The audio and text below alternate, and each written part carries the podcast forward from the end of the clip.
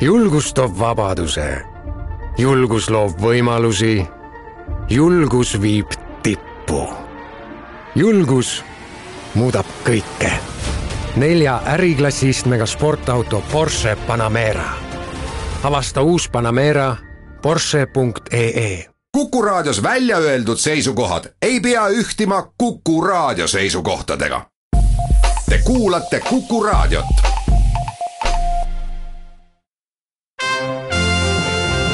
Tallinna Filharmoonia esitleb Filharmooniline huvitaja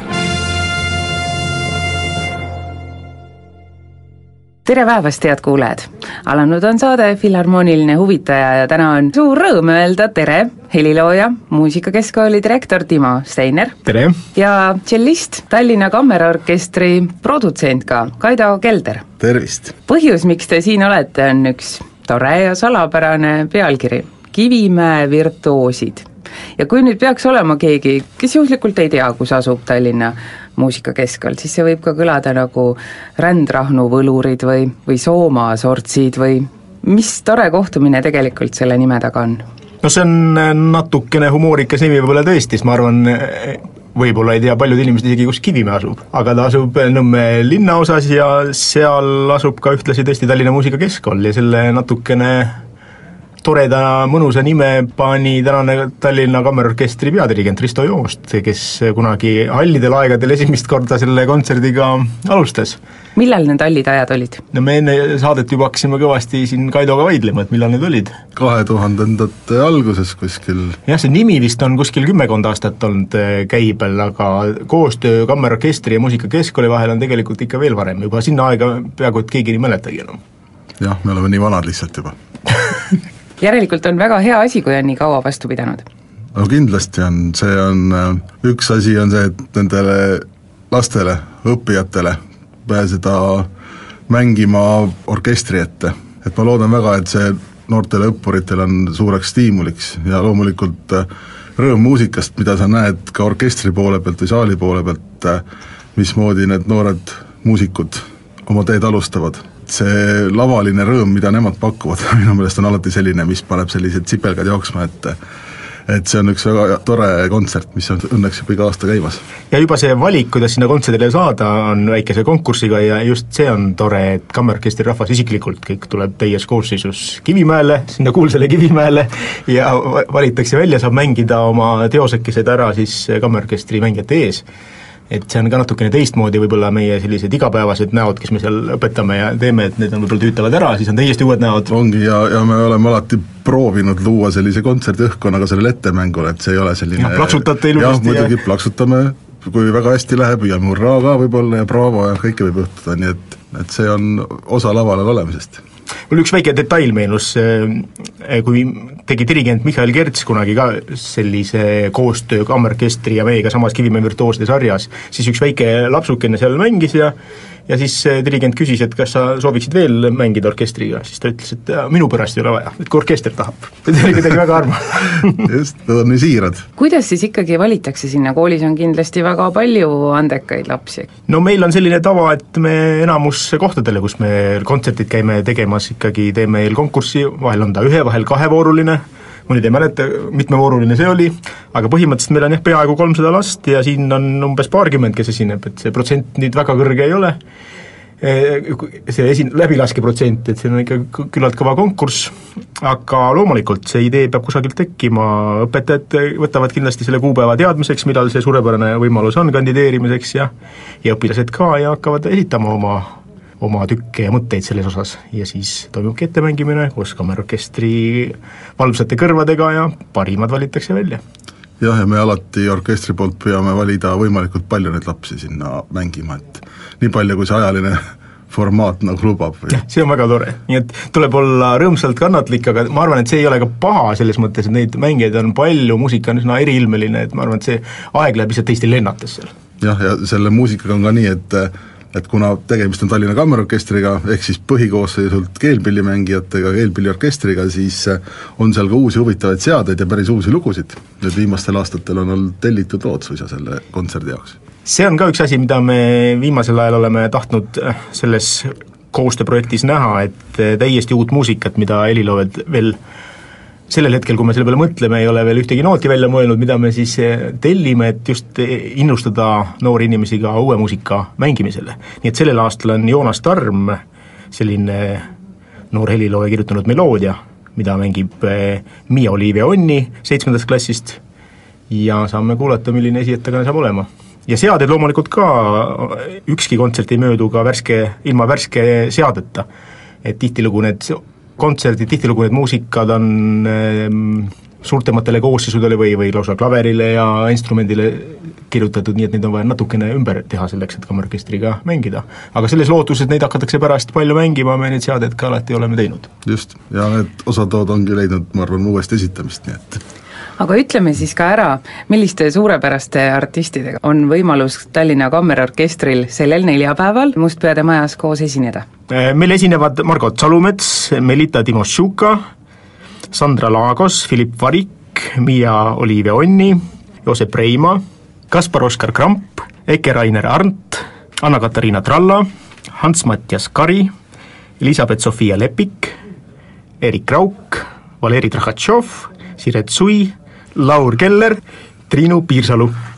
Eh, kontserdil on ka dirigent loomulikult, sest ilma dirigendita oleks orkestrikontsert ainult pool kogemust. ja see peab olema kindlasti väga eriline dirigent. Absoluutselt, milline vastutus, sellised eh, meie noorsugu, kes tulevikus hakkab mängima, väga nõudlik kammerorkester, ja seekord on meil dirigentiks Rahvusooperi peadirigent Vello Pähn isiklikult ta on juba noortega kohtunud, töö käib ja see on väga selline rõõmus ja, ja meil tore. eile, eile hakkas prooviperiood pihta, nii et meil on kolm päeva proove ja neljapäevane kontsert. ja enne prooviperioodi ta käis juba Kivimäel. jah, juba kuulsin. tutvus solistidega. nii et töö on loodetavasti tore ja põhjalik. kuidas üldse sünnib sellise kontserdi kava? sünnib äh, eks ma arvan, kõigepealt õpetaja ja õpilase koostöös mingit moodi või väiksemate puhul õpetaja soovi järgi tõenäoliselt, aga aga ongi see ballett nendest lugudest tuleb siis nii-öelda meie ette nimekirjana, me lähme siis kohale ja me valime need need esinejad välja, ehk siis me ei, ei ole lähtunud siin mingitest teemadest või või pilligruppidest, vaid see ongi nii-öelda meie valik Muusikakeskkooli õpilaste esitustest. Välja arvatud siis üks esiettekanne, mis on äh, kohustuslik läbi viia? vot, jah, sellise kohustuse on Muusikakeskkool meile peale pannud, jah tegelikult on see vist ikka väga suur rõõm koos nende lastega laval olla, mida see ennekõike orkestrile annab? annab kindlasti see, see, see, sealt on näha seda muusikarõõmu, seda siirast musitseerimise rõõmu. meil sellel kontserdil on ka lapsed, kes mängivad, mõned ongi päris lapsed, pisikesed. esimene klass. esimene klass täiesti just, et et mõni tõenäoliselt publiku poole pealt peab nagu üle eesistuja kiikama, et kus see kust see pillihääl tuleb sealt eestpoolt. lõpetades siis suurte, suurte meeste ja naistega, kes on juba täispikkuses ja ja, ja juba, juba seal muusikakeskkooli lõpuklassides. ja, ja kindlasti näitab ka seda, millises seisus on nii-öelda meie muusika tulevik. et äh, ikkagi hakkab ju sellest õpetusest pihta. Ja samas ma loodan, seda näeb ka publik, et see muusika ei ole, arvatakse palju, et et noh, võib-olla igav ja liiga pikk kontsert ja nii edasi.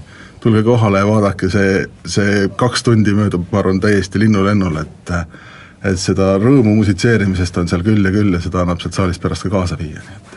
Timo, millises seisus on Eesti muusika tulevik?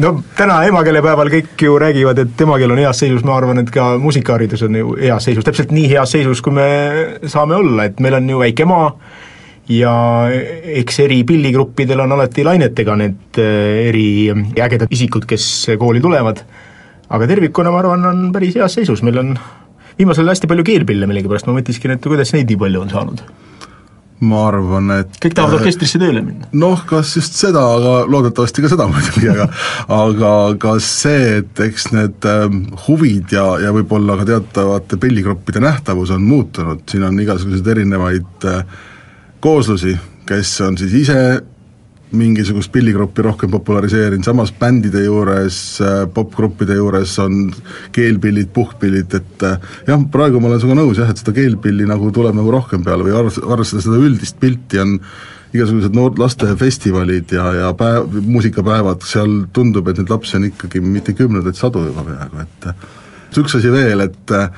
et läbi aegade nende, nendest solistidest, kes on mänginud nii-öelda orkestri eest, nii mõnigi istub praegu meie orkestris või töötab meie orkestris.